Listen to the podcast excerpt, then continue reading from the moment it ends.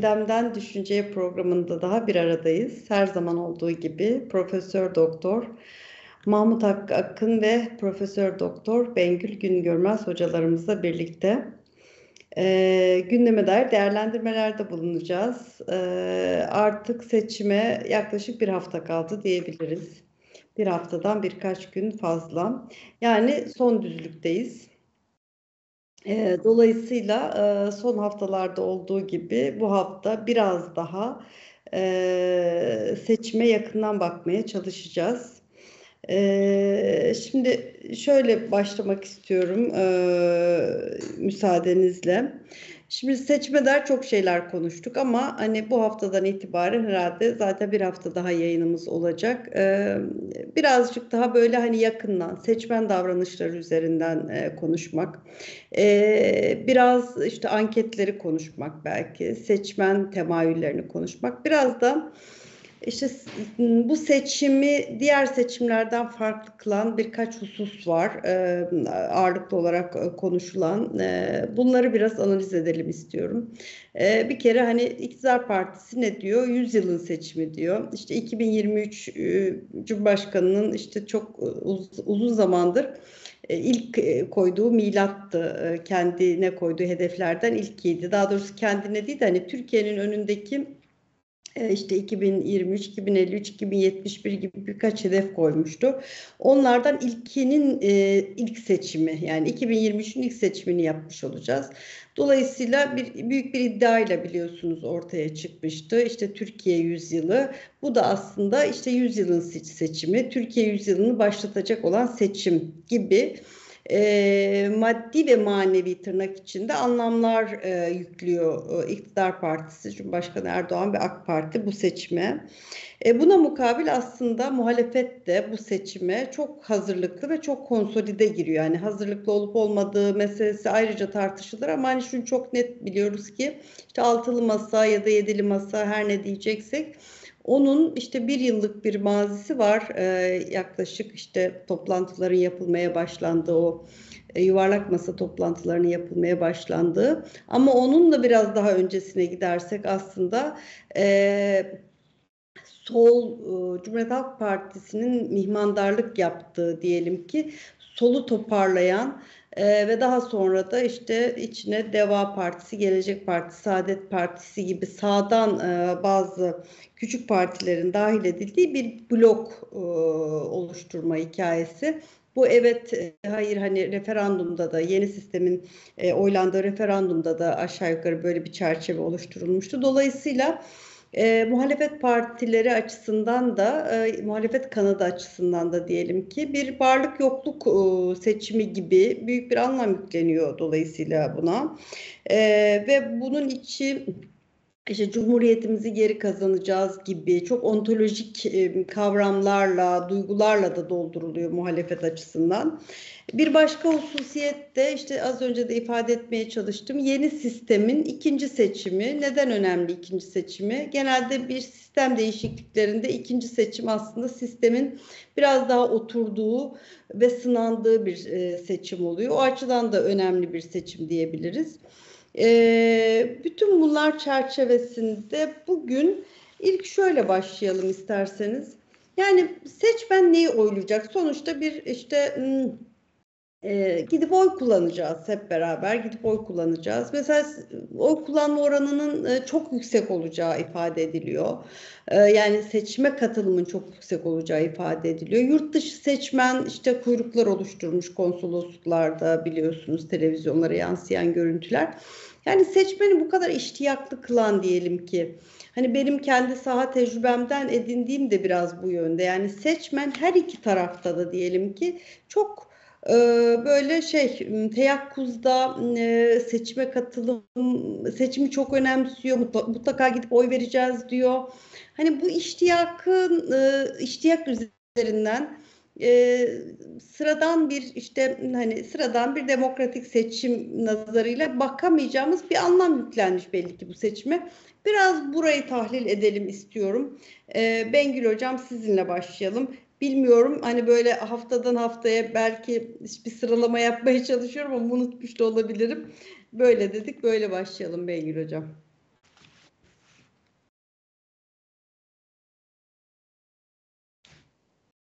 vermek kolay değil tabii. E, çünkü biz e, neyi oylayacağını tam olarak gelecekte ne olacağını e, bilemiyoruz. E, kehanette bulunamayız. Ama açıkçası e, partilerin duruşlarına bakarak bir fikir ileri sürebiliriz veya bir fikir edinebiliriz. E, seçmen elbette geleceğini oylayacak. Yani çocuklarının geleceğini oylayacak, kendi geleceğini oylayacak. E, bence seçmenler için burada en önemli şeylerden birisi mevcut kazanımları devam mı ettirecek? Mevcut kazanımları e, sürdürecek mi? Türkiye'nin yine birlik, bütünlük içerisinde varlığını sürdürmesini isteyecek mi? Yoksa e, yeni bir oluşum e, olmasını mı talep edecek? Yani şöyle bir durum var. E, bana göre bu e, seçimi belirleyecek ya da katalizör noktası ne derseniz bu seçimin katalizörü bana göre katalizör HDP.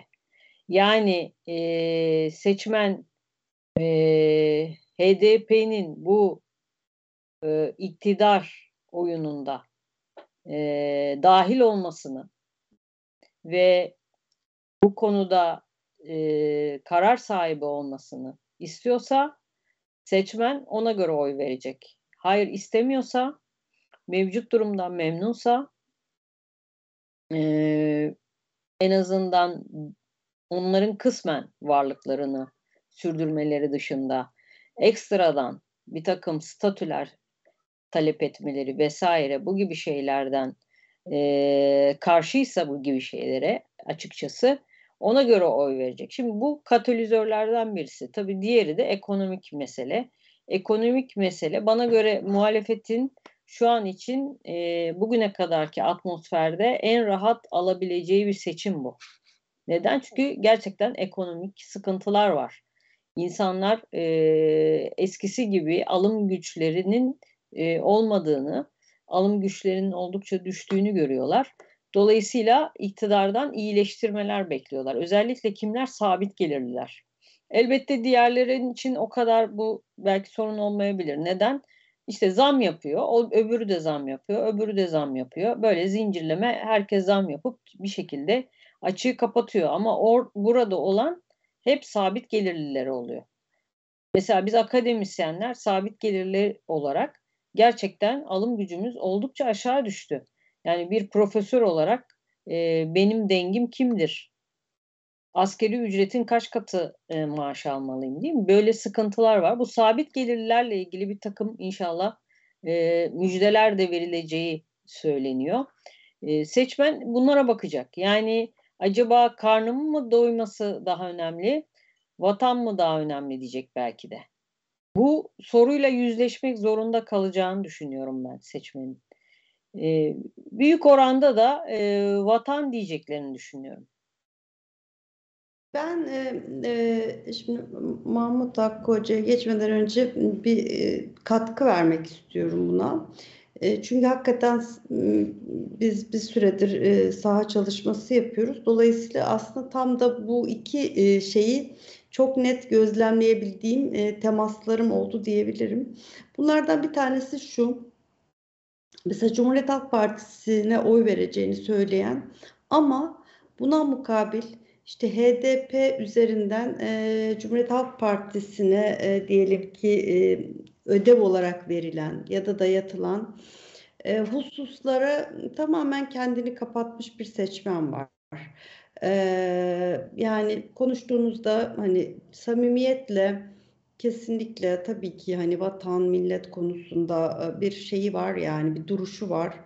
Ee, şey yapmak yapmayacağını düşünüyorsunuz, anlıyorsunuz yani işte bir HDP'nin yaklaşımlarına asla kabul etmeyecek bir duruşu var. e, kendini hatta işte milliyetçi vesaire tanımlayabiliyor, bu şekilde tanımlayabiliyor. Ama e, işte mesela şunu sorduğunuzda işte bakın en son yine işte e, bir e, HDP'linin e, açıklaması vardı biliyorsunuz. Hani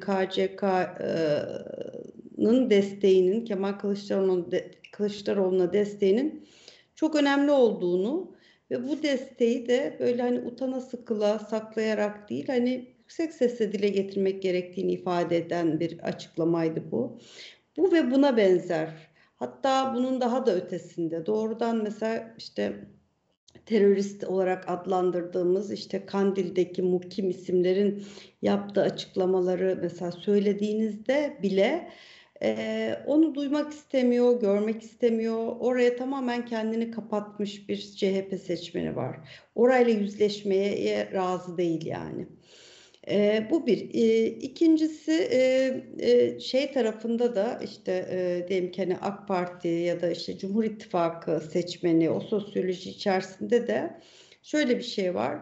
E, çok böyle yüksek bir iştiyakla e, işte o hani vatan e, diyen bir kesim var. E, HDP sorunsalını çok e, Türkiye'nin güvenliği ve geleceği açısından çok riskli bulan bir e, seçmen bu aynı zamanda. Ve aynı zamanda buna muka yani bununla beraber bu ekonomik meselelerin çok farkında e, ama e, vatanı hepsinin önüne koyan e, bir seçmen. Ama bu seçmen ekonomiyle ilgili şikayetleri asla söylemekten geri durmuyor. Mesela şunu söylüyor. Diyor ki ha, iyi oldu işte e, asgari ücret yükseldi, işte en düşük emekli maaşı işte 7500'e çıktı ama diyor ben mesela işte çok daha fazla prim ödedim işte e, ben şu anda en düşük emekliyle eşitlendim diyor. Bunu da kabul etmek istemiyor gibi yani ya da işte ev kiraları yani mutlaka dile getiriyor. Dile getirmekten asla geri durmuyor.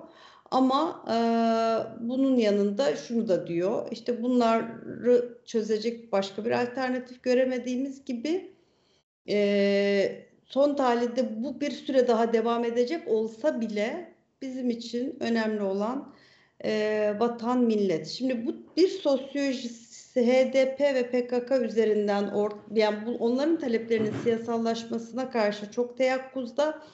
Cumhuriyet Halk Partisi seçmeninde de minik minik de olsa buna böyle tepki gösterenler var. Bir kesimde ve ağırlıklı bir kesimde bence oraya tamamen kapatmış kendini. Orayı görmek istemiyor. Mesela bu bunu ben hani e, e, nasıl açıklayabiliriz? Çok mu böyle şey olduk yani e, nasıl diyeyim mevcut seçim e, başka arka planda başka bir motivasyonu mu var? Hani bu gerçeklikten kopuş şu izah edecek bir şey olması lazım e, diye düşünüyorum. Hani bir işte biraz psikolojik açıdan bakmaya çalışıyorum. Mahmut hocam hani size sormak istiyorum. Bilmiyorum hani bir şeyiniz olur mu, cevabınız olur mu? Yani bu kadar açıklamalar yapılıyor, ediliyor ama HDP ve PKK meselesini, hatta FETÖ meselesini diyelim ki tamamen böyle hani yok sayan e, bir şey var, yaklaşım var Cumhuriyet Halk Partisi seçmeninde. Ee, bunu nasıl açıklıyorsunuz? Ya da ter, aynı şeyi belki şey için de hani AK Parti ve Cumhur İttifakı seçmeni için de sorabiliriz. Mesela hani bu ekonomi meselesi bu kadar işte konuşuluyorken e, bunu ötelemeyi bir seçmen davranışı olarak nasıl değerlendiriyorsunuz mesela? Evet, burada belki daha genel değerlendirmek lazım. Çünkü seçmen profiline baktığımız zaman tek bir tip yok. Yani birbirinden çok daha farklı e, tiplerin bir arada olduğunu göz önünde bulundurmamız gerekiyor seçmeni değerlendirirken. Sizin söylediğiniz biraz daha e, kendi kafasındaki kurguyu yani olgudan ayırmaya çalışan ya da olgunun gerçekten ne olduğunu görmek istemeyen bir seçmen tipi aslında. E, bu bakış açısı hep siyasetin içerisinde olmuştur. Yani bu gruplar e, genel ağırlığı mı oluşturmuştur seçmenler içerisinde? Hayır. Ama dediğiniz gibi meseleyi sadece kendi e, ezberlerini doğrulayacak şekilde ya da kendi düşüncesini e, bir bütünsellik üzerinden kurmayan e, belli yerlerini meselenin biraz da işe yarar yerlerini yani kendi faydasına olacak yerlerini görmeye çalışan bir seçmen tipi e, var. Yani bunu inkar edemeyiz. Belki bu sempatizanlığın daha ötesine geçen yani daha biraz daha e, fanatik bir kurguyla bakanlarda da e, oluyor. Öteden beri böyle bir bölünmüşlüğümüz de vardır yalnız bizim. Yani Türk siyasi tarihinde de biz bunu takip edebiliyoruz. Böyle bir e, yönü var. E, ya görmezden gelmek yani belli şeyleri ya da diğer taraftan özellikle belli şeyleri öne çıkartmak. Yani böyle daha e, kendi hoşuna da giden ya da kendi seçmen davranışını e, belirleyen özellikle yönleri öne çıkartmak gibi e, eğilimler söz konusu.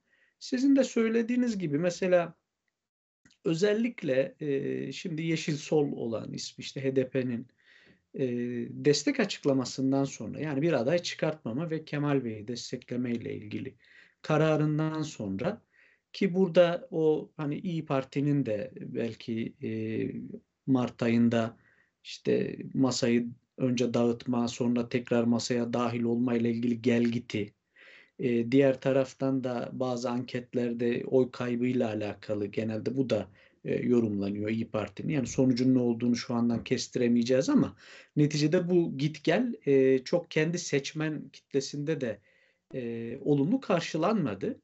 Ve şöyle bir kıskacın içerisinde hissetti kendisini diye düşünüyorum İyi, İyi Parti. E, neticede böyle bir destek o e, altı partinin içerisinde en çok e, İyi Parti'yi olumsuz etkileyecekti. E, işte bir mesafe koymaya çalışılıyor. Yani söylemlerde en azından bu deneniyor. Ama öbür taraftan bu o kadar da kolay değil. Yani kolay bir şekilde de o politika e, sürdürülemiyor. Dolayısıyla burada e, şöyle bir yerinden meselenin e, kurgulamak lazım. Burada şöyle bir durum var. Seçmen dinamik davranmak zorunda. Yani seçmen e, kendi çeşitliliği açısından da göz önünde bulundurduğumuzda e, burada tamamen kendi desteklediği partilerin aldığı kararların peşine düşmeyebilir. Ya da bazı söylemleri tasvip etmeyebilir. Böyle bir boyutu da var meselenin. E, ilginç bir seçime girdiğimizi düşünüyorum ben de. Yani blok halde girilmesinin de böyle bir e, tarafı var. E, kafa karışıklıkları ve soru işaretleri her iki tarafta da e, var. Ama bir yandan da siyaset bilimi literatürü açısından bir değerlendirme yapmak isterim. Hakim parti olgusu diye bir kavram vardır siyaset biliminde. Bugün artık dünya siyaset bilimi literatürüne de AK Parti bunun örneği olarak girmiştir. Çünkü her şeye rağmen 21. yılında biz hala bugün AK Parti'nin ikinci parti olacağını konuşmuyoruz. Yani birinci parti olacağını konuşuyoruz ama oy oranıyla ilgili belki e, bir kaybı olabilir mi olmaz mı o konuşuluyor sadece. Ya da blok halde girildiği için iki, e, Cumhurbaşkanlığı seçimine ikinci tura kalırsa zaten iki kişi e, kalacağı için e, işte kimin kazanacağı orada şu an net değil. Yani anketler farklı farklı sonuçlar da ortaya koyuyor ama sonuçta hala şundan bahsediyoruz. Yani 21. yılında bir siyasi partinin hem birinci olmasından bahsediyoruz. Hem yine iktidar çoğunluğunu ve parlamento çoğunluğunu sağlayabileceğinden bahsediyoruz ittifakıyla. Diğer taraftan da onun genel başkanının ve cumhurbaşkanının kazanma ihtimalinden hala bahsediyoruz. Bu hakim parti olgusu demektir. Ve hatta bütünüyle şu an içerisinde bulunduğumuz ortamı bu dominasyon yani o hakim dediğimiz kavram o dominasyonu e, başardığını ve mevcut konjonktür AK Parti'nin belirlediğini aslında bu karşı olan AK Parti'ye karşı olan şu anki muhalif e, partiler açısından da e, değerlendirilebilecek bir durum.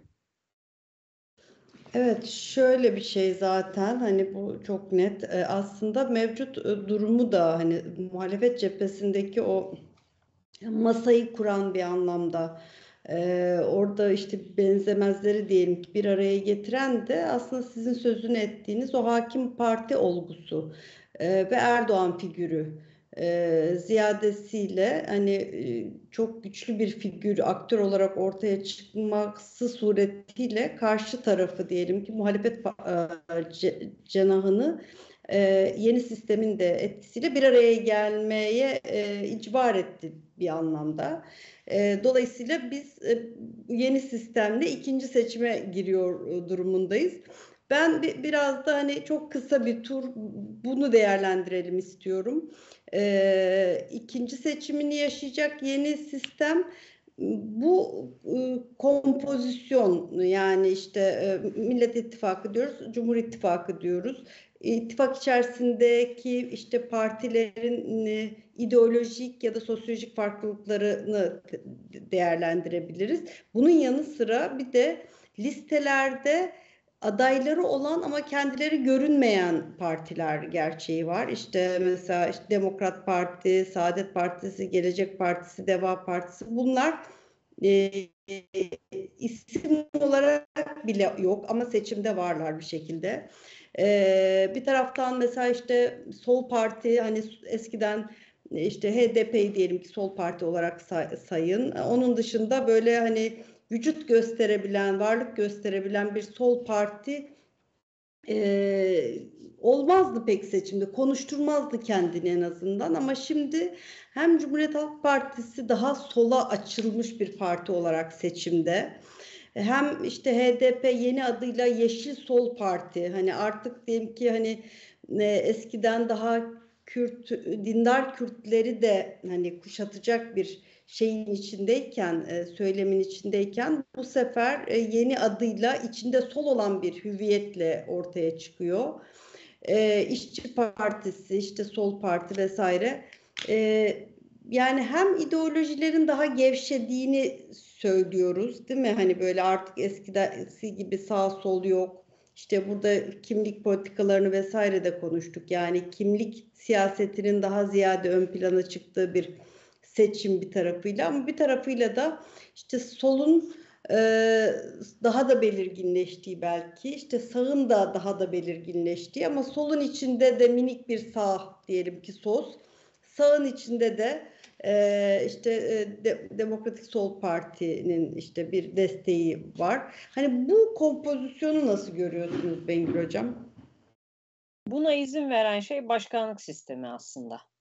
Yani biz başkanlık sistemine geçtiğimiz andan itibaren e, başkanı halkın kendisi doğrudan doğruya seçtiği için bunlar artık o kadar da önemli, bu ayrımlar o kadar da önemli olmaktan çıktı. Yani önemli olan başkanın seçilmesi.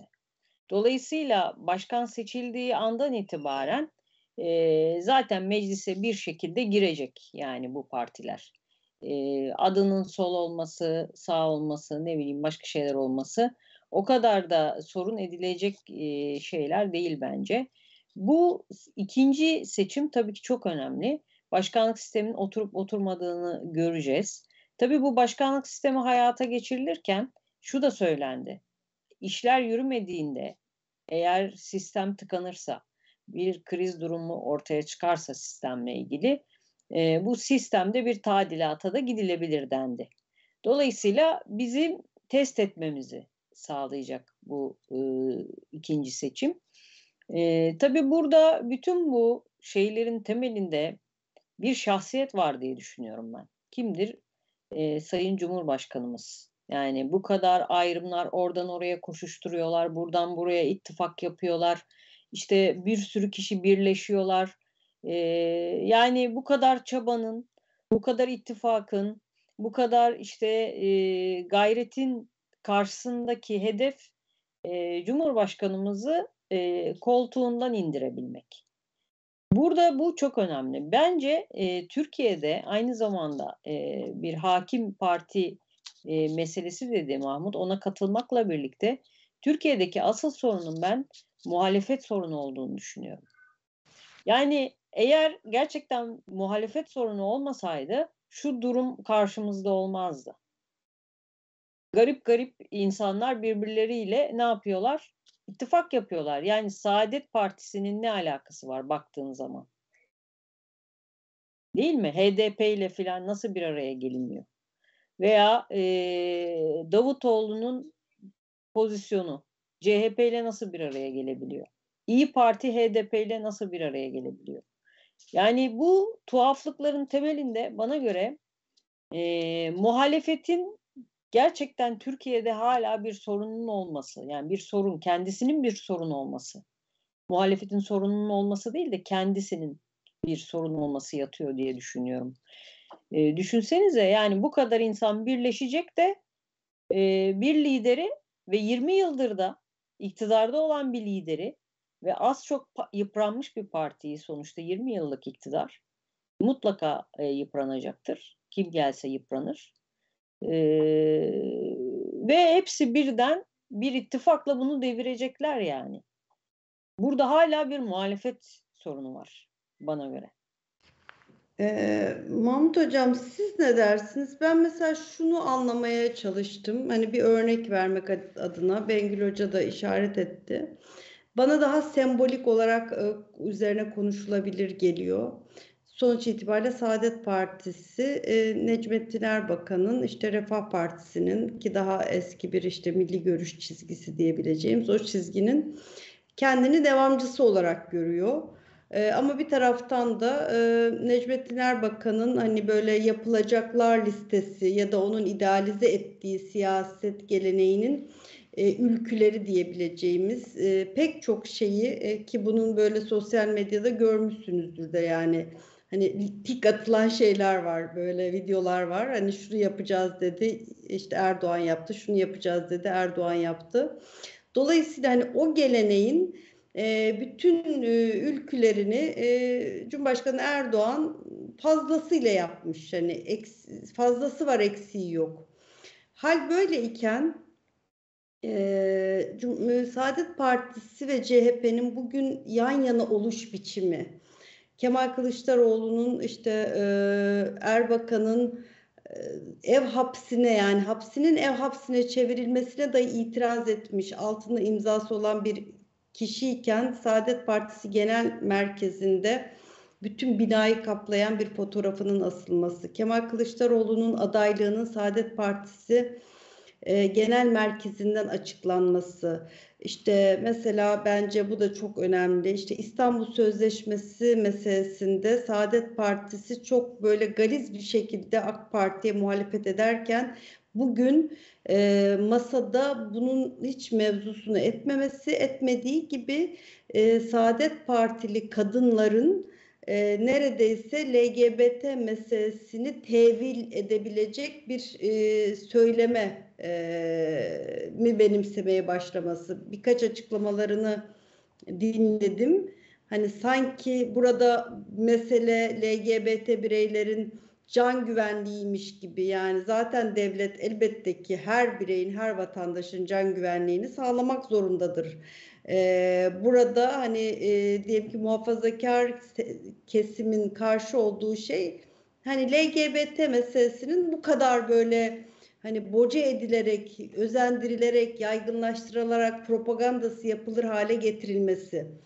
E, sonuçta işte e, Cumhuriyet Halk Partili belediyeler onur yürüyüşünü, onur gününü tırnak içinde bir e, bayraktarlığını yapan belediyeler. E, hepsi o günü işte sosyal medya hesaplarından kutluyorlar.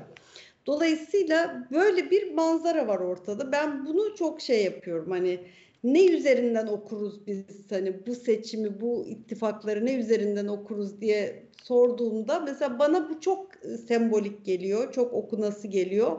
Ve tabii ki e, Cumhuriyet Halk Partisi e, bugün Türkiye'de bir Kürt sorunu var e, diyorsak e, tek parti iktidarında işte Kürtlerin demokratik hakları, dilini kullanmak, ana dilini kullanmak, sokakta kullanmak ne kadar e, indirebileceğimiz düzeyde e, yapılan yasakların e, yarattığı bir Kürt sorununu e, bugün e, işte özerkliğe vesaireye kapı aralayarak e, başka bir boyuta taşıma noktasına gelmiş olması Cumhuriyet Halk Partisi'nin. Bilmiyorum fazla uzatmış ve dolandırmış olabilirim ama hani benim nazarımda bu iki seç seçimin iki şeyi bu. İki iki okuma kılavuzu ben bu ikisini çok şey buluyorum, anlamlı buluyorum.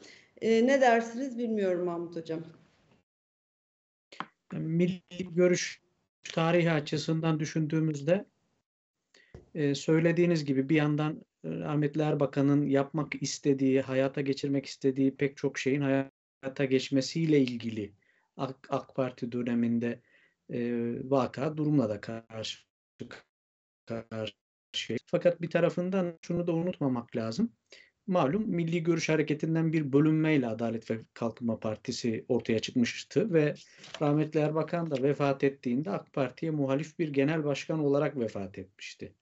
Şimdi burada e, tabii o epey oldu. 2011 yılında vefat etti malumunuz. 12 yıl e, hatta geçti de e, 12 yılı. Fakat burada Saadet Partisi'nin kendi içerisinde e, bence bir kutuplaşma var. E, bunu biraz e, sosyal medya üzerinden falan da takip etmek mümkün. E, bir yandan bu var olan ittifakı hiçbir şekilde kendi geleneğine uygun görmeyenler de var. Tepki gösterip sessiz kalanlar da var. Yani Milli Gençlik Vakfı e, üzerinden falan şu anda ciddi tartışmaların var olduğunu biliyorum. E, yani bunu benimseyenler olduğu gibi bir yandan buna karşı çıkanlar da var.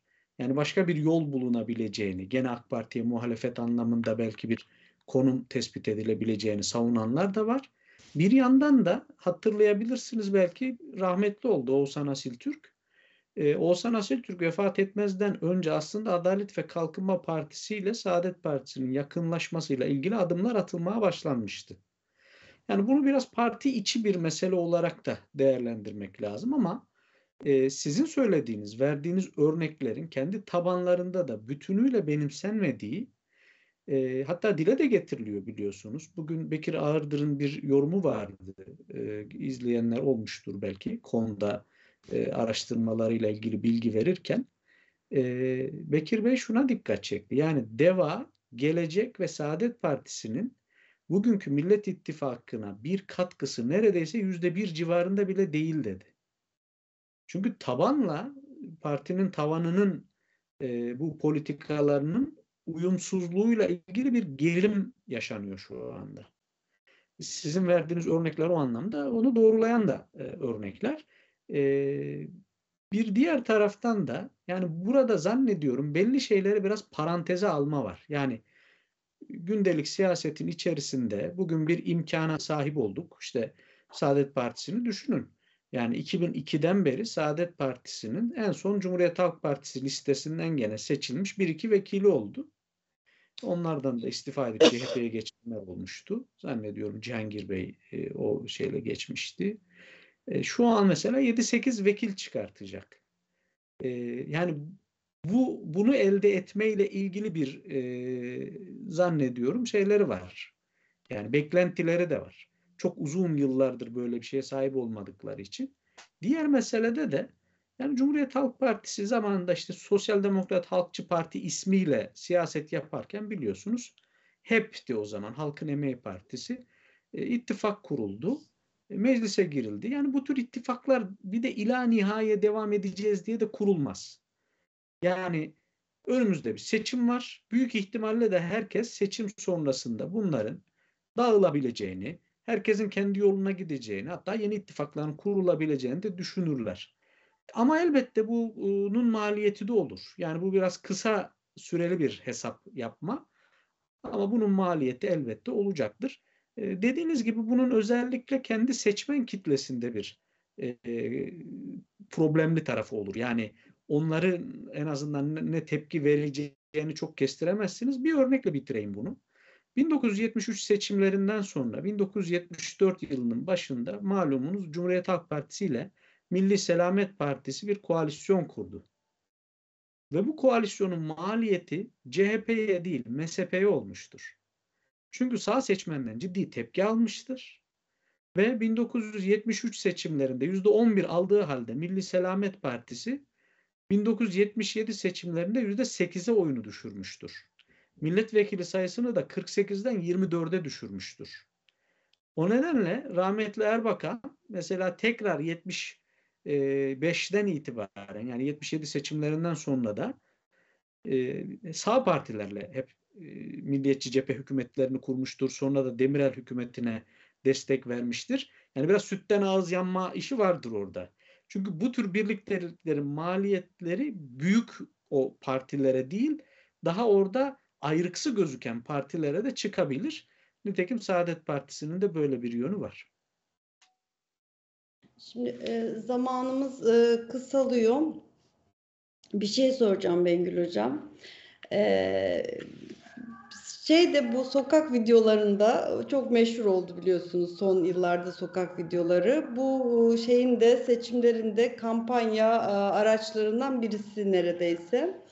Ee, şöyle e, bir şey ortaya çıkıyor. İşte Cumhuriyet Halk Partisi seçmeni e, olduğunu anladığımız e, isimler, kişiler e, şöyle söylüyorlar. Mesela Kemal Kılıçdaroğlu ismiyle ilgili bir e, işte hani bir cumhurbaşkanı e, işte dış politika yürütecek bir cumhurbaşkanı, Türkiye'nin işte e, e, savunması, savunması savunma meseleleriyle, güvenlik meseleleriyle, iç politikasıyla yani çok önemli başlıklar var sonuçta hani politika dediğimizde.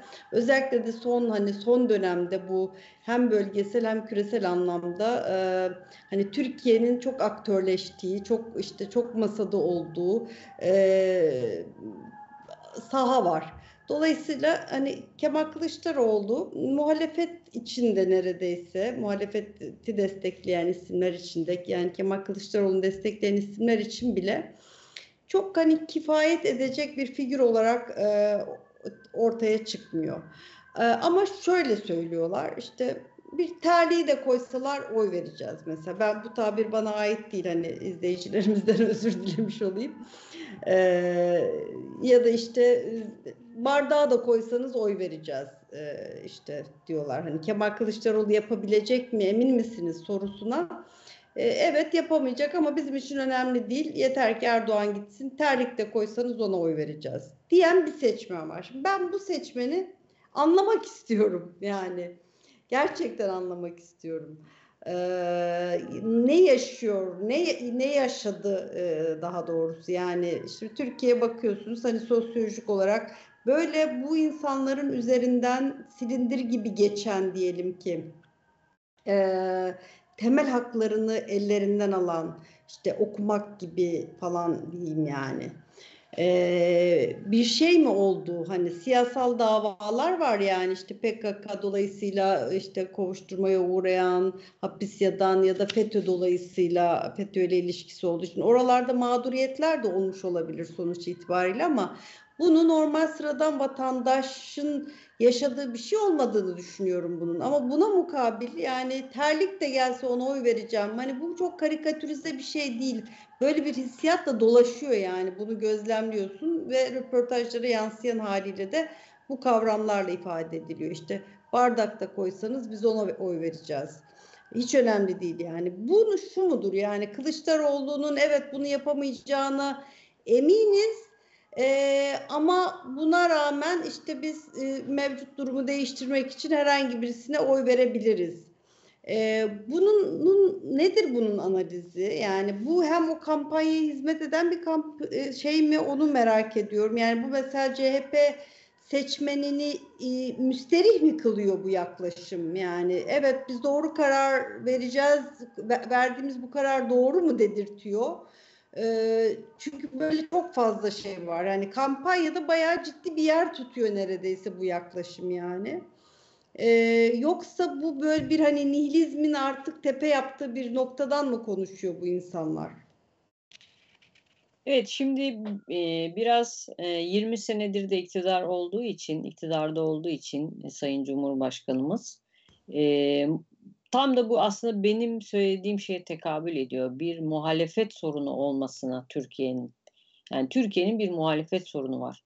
Çünkü lider çıkaramıyor. Yani e, Cumhurbaşkanımız ayarında bir liderleri olsa terlik de olsa oy vereceğiz demezler. Bizim liderimiz şudur, ona oy vereceğiz derler. Hmm. Bir kere e, birinci şeylerden birisi bu. Yani birinci şey bu. E, ikinci olarak e, insanlar ideolojik oy verdiklerinde gözlerini kapatırlar. Yani muhakeme yeteneklerini çalıştırmak istemezler. E, dolayısıyla ideolojiler bu anlamda bizi e, düşünmekten alıkoyan en önemli şeylerden birisidir. Birazcık fanatiklik, ideolojik bakmak buna sebep olabilir. E, böyle düşünüyorum. E, son olarak da tabii bunlar özel olarak servis ediliyor da olabilir. Yani insanlarda şunu yaratmak için yani bu adam gitsin de ne olursa olsun. E, zaten bu ittifakların hepsi devirene kadar ittifak diye düşünüyorum ben. Devirene kadar ittifak sonra ihtilaf. Benim düşüncem budur. Evet. Ee, süremizin sonuna geldik. Ee, ama Mahmut Hocam söylemek istediğiniz birkaç cümle varsa alabilirim. Yani elbette bu sadece karşıtlık üzerinden yani bir refleks gibi şeylerin söylenmesi yani ne rasyoneldir, ne akla mantığa uygundur, ne vicdana uygundur. Yani böyle bir tarafı da var işin. Ee, geçmişte de bunlar yapıla geldi. Yani evet bu bir iktidar yorgunluğunun şeyi de olabilir. Ee, yani insanlar bu tepkileri gösterirken belli şeylere kızıyorlardır, ediyorlardır ama biraz da bu meselelere daha tarihsel, sosyolojik bir yerden bakıp da sağduyuyla e, hareket etmek gerekir. Hatta bir muhalefet yapılırken de bunun e, demin söylediğim o ilkelere biraz dayanarak e, yapılması gerekir. Yani her ikisi açısından söylüyorum, ilkesel anlamda. E burada üsluba çok dikkat etmek lazım. Çünkü siyaset biraz da üslup ve hitabetle alakalı bir e, sanattır da. Yani onu da e, belirtmek lazım. Böyle bitirmiş olayım. Teşekkür ederim. Peki hocam. E, o halde biz de programı bitirelim. E, haftaya e, seçime e, saatler kala neredeyse yapıyor olacağız belki yayınımızı.